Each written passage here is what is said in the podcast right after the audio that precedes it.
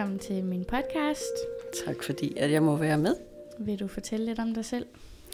Jamen, det kan jeg godt. Jeg hedder Anne. Jeg er 50 år gammel, og jeg er mor til Anna, som øh, har en lille søster, der er 11 år, så der er lidt spredning på de to børn. Jeg, har, jeg bor på Østerbro med øh, lille søster, og jeg er arbejder og arbejder lidt for meget måske, men jeg arbejder som øh, kommunikationsrådgiver i et stort advokatfirma. Ja. ja, Øhm, så synes jeg, vi skal springe ud i det. det gør vi. Hvad tænkte du, dengang jeg fik diagnosen skizofreni? Øhm, på en måde var jeg lettet, Hmm. fordi øh, der havde været rigtig lang vej hen til den diagnose, øh, og du var blevet undersøgt for alt muligt igennem rigtig lang tid.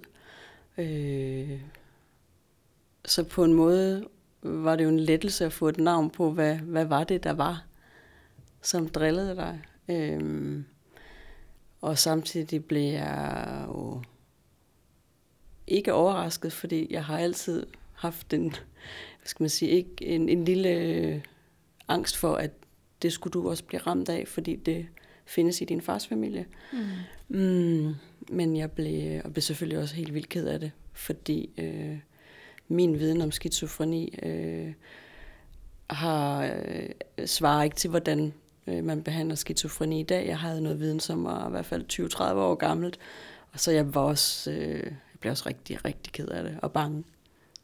Ja, fordi jeg tænker jo, noget af din reaktion var påvirket af den stigma, den gamle stigma, der ligger omkring sygdommen.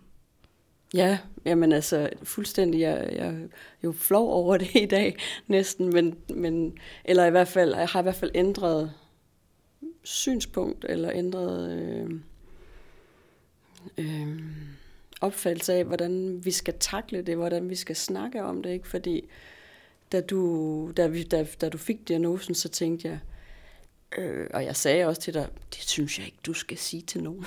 ja, det sagde du. Det sagde jeg faktisk. Jeg tænkte, fordi så, så dømmer de dig, fordi folk ved ikke, hvad det er. Så tænker de, hun er, hun er en freak, eller hun, øh, hun har sådan øh, split personlighed, eller, eller alt det her, man har set i film, og alle de fordomme, der er. Og jeg øh, øh, vidste heller ikke nok om det selv. Øh, så, så man siger, min erfaring er jo fra din far, og fra din fars øh, øh, storebror, som øh, har skizofreni. Mm. Øhm, og han var, og det ligger jo 30 år tilbage, da han fik sin diagnose, også da han var lige omkring 20. Men han var jo øh, meget syg og meget skør, øh, og kunne ikke øh, leve, og, og lever heller ikke i dag et normalt liv. Så det var selvfølgelig min skræk. Altså, det var det, var det jeg tænkte, okay, altså, bliver det sådan også for Nana? Men det Øh. tror jeg, at det er ikke du er den eneste, der har tænkt, når jeg har fortalt til folk, at jeg var syg, så har jeg da også fået at vide, nå, du har flere personligheder, eller det, det, er jo- det er jo et normalt billede af sygdommen, så, så man kan jo godt forstå, at du reagerer sådan. For det tænkte jeg da også selv, jeg brød fuldstændig sammen, da jeg fik diagnosen. For jeg tænkte bare, fuck, nu er mit liv ødelagt. Jeg oplevede jo ikke, at, sådan, at du brød sammen, da du fik diagnosen egentlig. Øhm, det kan være, at du gjorde det, når jeg kiggede på dig. Men, men jeg oplevede jo i hvert fald også, at du på en eller anden måde udtrykte en, en lettelse, fordi nu havde, nu havde det ligesom fået et navn, det her, du kunne mærke, og der var faktisk et system, øh, som stod parat til at hjælpe dig, og der kunne blive lagt en plan for, øh, hvordan du kunne øh, lære at leve med den her diagnose. Så der, men det kan være, at jeg husker forkert. Men det var, sådan oplevede jeg det i hvert fald også, altså at der var, øh, altså ja, måske frustration, men også en form for lettelse. Nu fik det et navn. Altså, der var en stærk, stærk frustration inde i mig, som jeg var, jeg var bange for, hvad det skulle udvikle sig til, om jeg ville blive skingerne sindssyg, eller hvad der skulle ske, ikke? Men der var helt sikkert også den der lettelse ved, at nu fik jeg noget hjælp, som var den rigtige hjælp, fordi jeg havde gået og let efter den her hjælp øh, hos alle mulige specialister, som, som ikke rigtig vidste, hvad de skulle stille op, og nu var der endelig nogen, der ligesom var sikre på, hvad min diagnose egentlig var, og som sagde, at de godt kunne hjælpe mig. Hvordan var det for dig at være med i både udredningsprocessen og forløbet som pårørende og som mor? Mm, det, skal du, det, det er et meget stort spørgsmål måske. Skal det Altså, hvad vil du gerne høre om? Jamen, hvordan har det påvirket dig personligt? Altså, hvad føler Mm. du? Ja. Jamen, øh, jeg føler alt muligt. Altså, jeg synes, det har været en, en uh, rutsjebanetur. Øhm, det har da været, det har da været øh, øh, fortvivlende indimellem. Øh, og, og også øh, opslidende, når du... Jeg synes, det er en rutsjebane at følge dig, fordi, fordi øh, du kan være øh, 100% øh, stærk og øh, fyldt med initiativ og øh, livsglæde og, og have gang i alt muligt, ligesom alle mulige andre unge.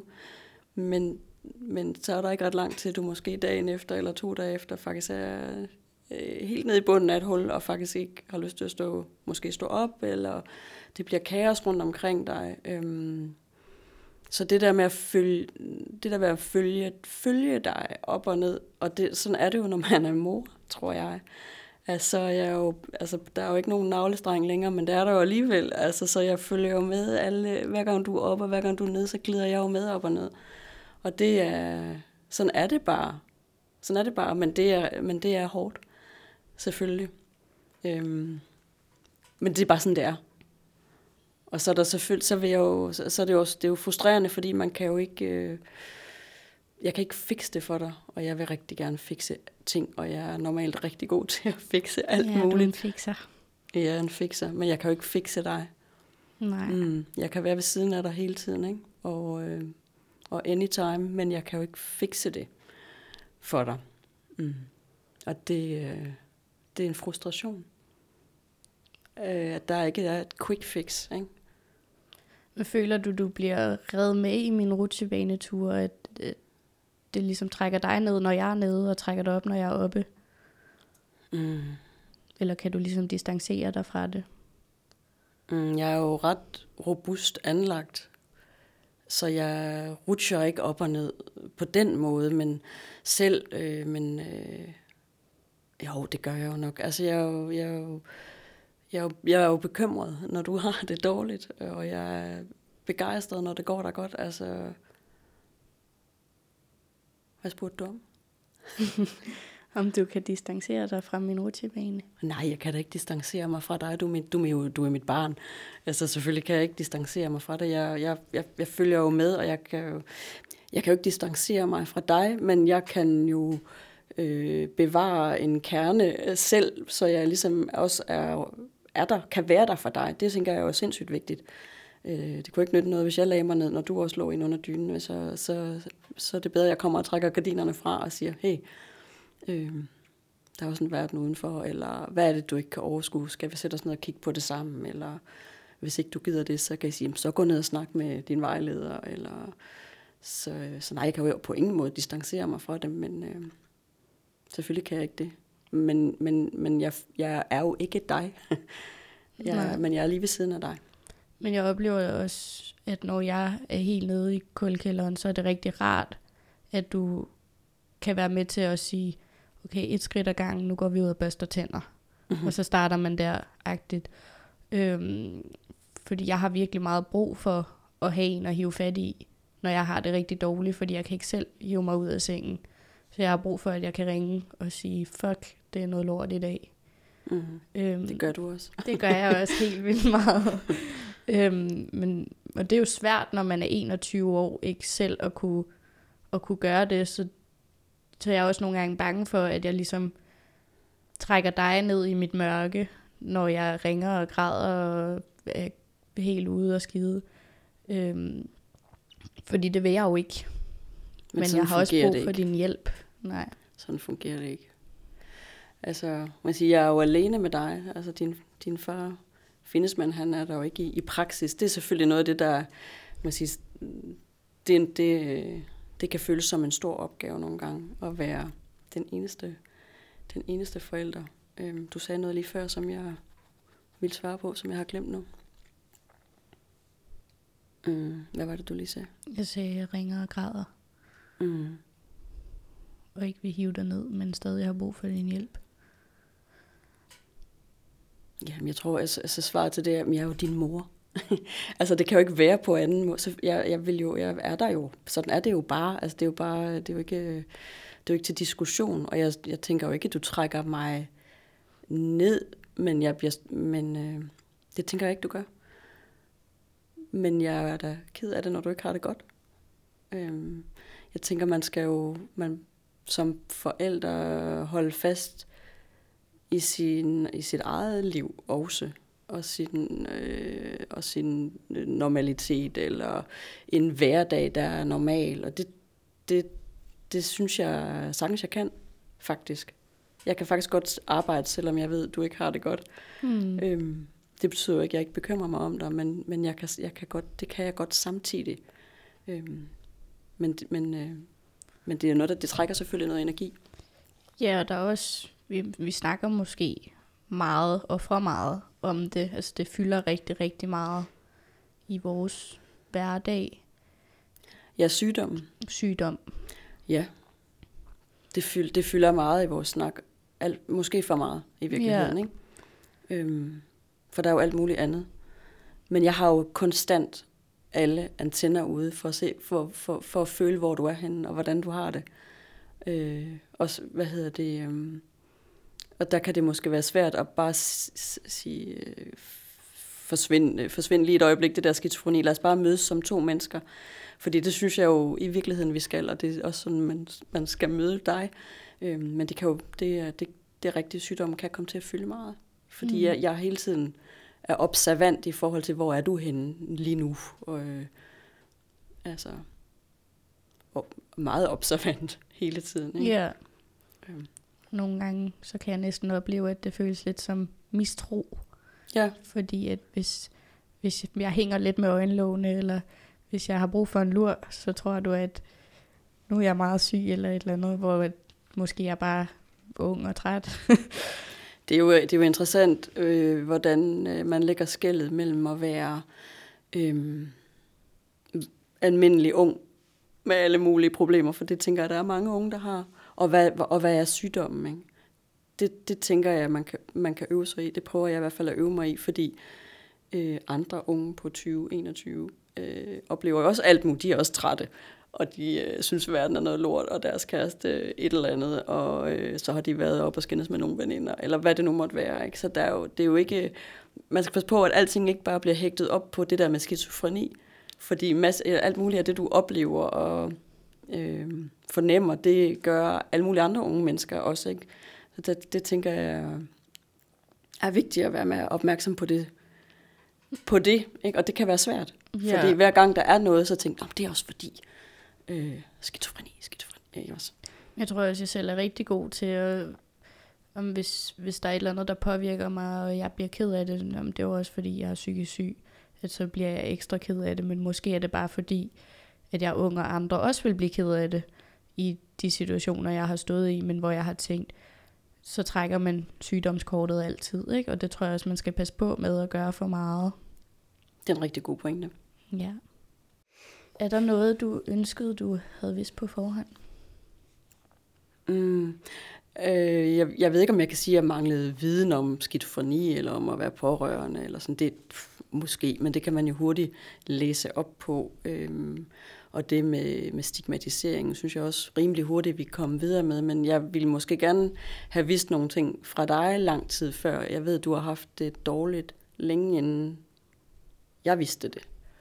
Øhm, og jeg har øh, måske også været ude, ude i nogle ting, som, som det havde været godt at vide, så jeg kunne have, øh, måske have hjulpet dig noget før, eller, eller det kunne have fået et andet forløb. Altså, Altså, det er, jo, det er jo svært at sige til sin mor, at man har et hashforbrug, eller at man skærer i sig selv, eller at man tænker på, at man gerne vil dø.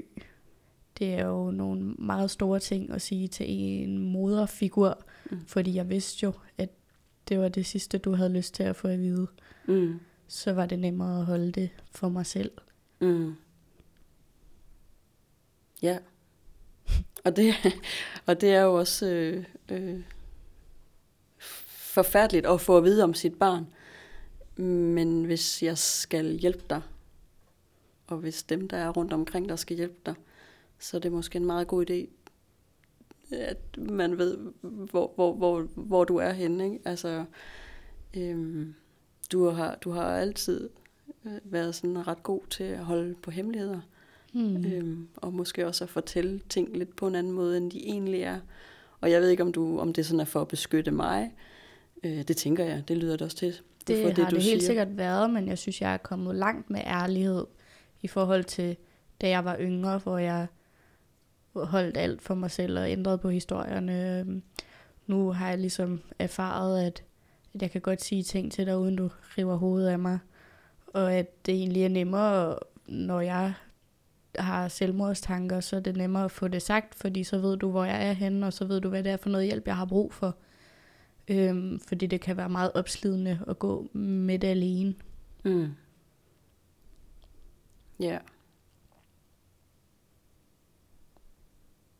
Men det, men det, jeg tænker, det ikke er, er unaturligt, at man vil beskytte sine omgivelser, øh, og derfor holder mund med, med svære ting. Jeg tror ikke, det er ukendt. Um. Nej, jeg har fået at vide på et tidspunkt, at de bedste skuespillere, det er dem med psykiske sygdomme. Okay. øhm, fordi de er så gode til at lade, som om det ikke er der, og, og gå og se sjove og glade ud, men i virkeligheden går rundt med nogle meget, meget sorte tanker. Mm. Og det tror jeg da også har været sådan, jeg har opført mig. Øh, hvordan skal vi i talsætte sygdommen derhjemme? Hmm. Ja, altså hvad hedder den? Hedder den, hedder den, øh, hedder den noget? For eksempel, altså siger man skizofreni højt? Det gør vi. Ja, det gør vi nu, ja. Men... Øh... Og det synes jeg også, man skal. Ja.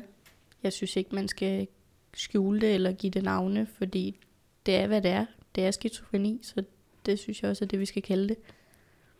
Jeg tror ikke, at vores udfordring er, om vi skal i tale sætte det øh, i virkeligheden. Øh, jeg tror måske i virkeligheden, at vi skal øve os i at også øh, snakke om hverdagsting, uden at hægte det op på den krog, der hedder skizofreni. Altså det, det er klart, det har fyldt meget, fordi nu er det forholdsvis en ny diagnose. Der er hele tiden opfyldninger på dig. Der er justeringer af medicin, som påvirker dig øh, og påvirker dit humør. Og så selvfølgelig har det fyldt meget. Øh, men jeg tænker at det må være noget, man bedst... Øh, jeg synes, det er noget, man skal snakke åbent om. Øh, men jeg synes også, det er fint at sige, at nu er det bare en almindelig mandag aften, og vi snakker om, hvad for en film vi skal se, eller, ikke, eller hvad du skal lave med din kæreste, eller hvad jeg skal i næste weekend, og hvad lille søster har øh, lavet hen i skolen. Ja. Altså det, det er måske mest, mest, jeg synes i den grad, vi i tale sætter, der snakker om det. Øhm, jeg tror måske mere, øh, at man kan øve sig i at bevare noget normalitet også, for det er der jo masser af. Altså det hele ikke ligesom kommer til at handle om det. Fordi du er alt muligt andet end det. Altså det skal ikke blive en identitet at være hende der med skizofreni, og hende der, der har et barn, der har skizofreni. Vel? Tror altså. du, at jeg med den her podcast sætter mig selv i den boks, at jeg er hende med skizofreni? Godt spørgsmål. Det tror jeg ikke. Nej. Jeg tror, du øh, er hende der den seje, der tør at fortælle åbent om øh, noget, der er rigtig svært. Tak. Føler du, at du kan stole på mig og de ting, jeg siger, under den forudsætning, at jeg har den sygdom? Mm. mm. Ja. Ja, det gør jeg jo. Yeah. Ja, men jeg trækker jo på det, fordi jeg ved jo også, at du er rigtig... Øh, altså, du er jo sådan lidt... Du kan være i hvert fald lidt hemmelighedsfuld, og du vil også gerne passe på mig. Øh, og, og derfor øh, så tænker jeg ikke, at du nødvendigvis er helt ærlig med alting. Jeg ved jo, jeg har, jeg har, du har jo øh, fortalt usandheder, for eksempel om, at du har rådhæs, fordi det ved du, at det er det værste, man kan overhovedet i min verden. Ikke? Øh, så, så, så, øh, eller, eller hvis du har havde det med, at du har skåret i dig selv, for eksempel. Ikke? At det, det har du holdt hemmeligt i meget, meget lang tid, og jeg har Og undret mig med over. lange bukser hele Lange sommeren. sorte bukser hele sommeren, der er 30 grader, ikke? Altså, sådan, øh, øh, så du har jo været dygtig til, og det tror jeg ikke er us- usædvanligt, det tror jeg, jeg gælder for andre, der, altså, at man prøver at passe på sine forældre måske, eller sine omgivelser. Jeg tror ikke, det er, fordi du har været bange for min, at jeg skulle blive vred. Det var måske, ja, det ved jeg ikke. Jeg tænker mere, det har været for at passe på mig. Øhm, så stol på dig, det ved jeg ikke, men jeg kender dig jo sindssygt godt. Øhm, Men der er også det med at diagnosen, at jeg kan have en anden virkelighedsopfattelse. mm. Og jeg har jo meget om, at jeg oplever noget, og så fortæller det til folk, og de ikke tror på det, jeg siger. Mm. Altså, at, at jeg kan opleve nogle ting, som du siger, ah, det er ah, skat. Det mm. tror jeg ikke er rigtigt. Hvor at jeg er sindssygt bange for, at jeg ligesom, på et tidspunkt gik jeg i fældeparken om aftenen, og der gik en mand bag ved mig, er jeg meget overbevist om, og det er ikke til at vide. Men der, der tvivlede du i hvert fald på det, og det synes, det synes jeg faktisk er lidt skræmmende. Mm. Og vi har også oplevet, at, at læger har tvivlet på mig. Når jeg har været indlagt med andre ting end skizofreni også. Ja, men det er en anden snak, øh, tænker jeg. Det er ikke noget med at stole på, hvad du siger, fordi... Øh, mm, jeg ved ikke, om jeg... jeg, jeg altså, stole på, det synes jeg er et svært ord i den her sammenhæng, men jeg, jeg ved jo godt, at du kan finde på at sige noget andet, end det, der måske passer. Men, men, men og, og du kan også nogen, altså heldigvis sjældent, men du har jo indimellem oplevet noget, der var øh, ud over, hvad man normalt vil opleve, og det ved du så typisk godt selv, ikke, at, at du måske har, altså hvad har du, så har du set en kat, og du ved godt, der ikke var en kat, eller du ved, altså sådan nogle, sådan nogle ting. Det er jo ikke det, øh, men det, med, men det er en helt anden snak, det her med, hvad, hvad systemet møder dig med, og det, det, det er til gengæld interessant og sindssygt frustrerende, fordi det er jo det her med, når man har en lang journal som din, og hvor der står skizofreni i den, så betyder det noget for, hvordan du kan blive mødt, når du henvender dig med andre ting. Og det har jeg oplevet, øh, og det har gjort mig sindssygt vred, øh, hvis du kommer med, fordi du kan jo lige så vel som alle mulige andre have blindtarmsbetændelse, eller hvad ved jeg. Øhm, og der, der, der har vi jo op, altså vi har jo været der sammen, jeg har været med, der var oplevet, at du ligesom er blevet øhm, værfet væk øh, mm, med henvisning til, at det er nok, øh, det, det er nok noget, du finder på, ish. Øhm, og det synes jeg er sindssygt skræmmende og sindssygt frustrerende. Ja, jeg kom jo ind med rigtig ondt i maven, og så det første, de spurgte mig om, det var, om, om det var fordi, jeg havde spist en masse piller. Ja, Altså, de formodede ligesom, at, Ja. at det var et selvmordsforsøg, men øh, fandt ud af, at det var en syste på min æggestokke i stedet for. og det vidste du sådan set godt, Og fordi det vidste du... jeg godt selv, at det var, for det har jeg Ja. haft mange gange. Ja. Og der kan man jo så der kan man jo tale om stigma, ikke? Altså, altså når man først er, ligesom er rullet ind i systemet, og, og det står i, i journalen, så, så, er det, så bliver, kan man jo blive mødt af et andet blik øh, fra de øh, sundhedspersoner, der, der nu skal kigge, en, kigge på en med nogle andre ting. Det synes jeg er vildt øh, frustrerende og øh, urimeligt øh, på alle mulige måder. Øh, Så ved jeg ikke, om der er mere. mm. Men jeg kan jo spørge dig, Hvad vil du spørge mig om? Hvis du skal, hvad har, hvad har du mest brug for fra, fra dem, der er tæt på dig? Øh, ja, der har jeg jo været lidt inde på det der med, at jeg har brug for, at jeg kan ringe og sige, den er helt gal. Men, øhm, men det er også... Jeg har, ikke, jeg har ikke altid brug for, at de siger, når lille pus, hvor må det være hårdt. Så jeg har også brug for en, der, der hiver mig i armen og siger, så for helvede, nu står du op i den seng. Altså, og, og det er lidt svært at sige, hvornår jeg har brug for det ene eller det andet, fordi nogle gange så har jeg brug for bare en, der nusser mig i håret og synes, det er synd for mig. Og andre gange så har jeg, har jeg brug for en lidt hårdere tone, og en, der tvinger mig til at gå i bad og børste tænder. Øh, men, men det må jeg jo så ligesom finde ud af, hvordan jeg i tale sætter, hvad det er, jeg har brug for, fordi det kan du jo ikke regne ud. Tænker du også på, hvad dem, der er rundt omkring dig, har brug for? Det tror jeg, jeg er rigtig dårlig til. Jeg tror, at jeg har været meget egoistisk i det her forløb, og haft meget ondt af mig selv, øhm, hvor jeg har glemt og tænke over, hvad I har brug for, og hvordan jeg har nærmest ikke givet det en tanke, hvordan det har påvirket jer, fordi jeg har tænkt, det har påvirket mig mere, og så var det vigtigere, men det er jo, det er jo ikke sådan, det skal være. Det er faktisk først, da jeg satte mig ned og lavede de her spørgsmål, at jeg tænkte over, at det må da egentlig også have været virkelig hårdt for dig.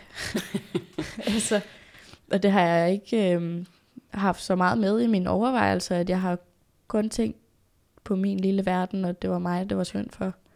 Men, øh, men det må også være hårdt at være tilskuer til en, der har mistet livsløsten. I noget omfang i hvert fald. Øhm, her til at slutte af med, har du så nogle råd til de andre mødre, som sidder i din situation? Og fædre. Og fædre, og søskende måske, eller bedsteforældre, eller pårørende? Jeg tænker, det vigtigste, måske, når man er tæt på, det er, øhm, at man øhm, også passer på sig selv. Det er lidt ligesom, når man sidder i flyvemaskinen, og den der øh, stewardesse kommer frem og siger, at man skal huske at tage iltmasken på først selv, inden man giver den på sit barn. Og det, øh, det tænker jeg øh, også er rigtigt her, at hvis jeg ikke øh, holder fast i mit liv og øh, mit arbejde, som nogle gange kan, kan være udfordrende også at skulle afsted til, når jeg ved, hvordan du har det, og du øh, også ringer til mig måske en del gange, øh, og holde fast i, at jeg øh, kan godt tage på weekend, selvom du måske har det dårligt, eller jeg skal også lave ting med lille søster, og jeg skal, altså det der med at holde fast i noget normalitet, for faktisk også at kunne være der for dig, det tror jeg er det vigtigste. Øhm, og det øver jeg mig på. Det var et godt råd med iltmasken. Så vil jeg sige tak for i dag, og tak fordi I har lyttet med. Og jeg glæder mig til at lave næste afsnit. Vi ses. Gutter.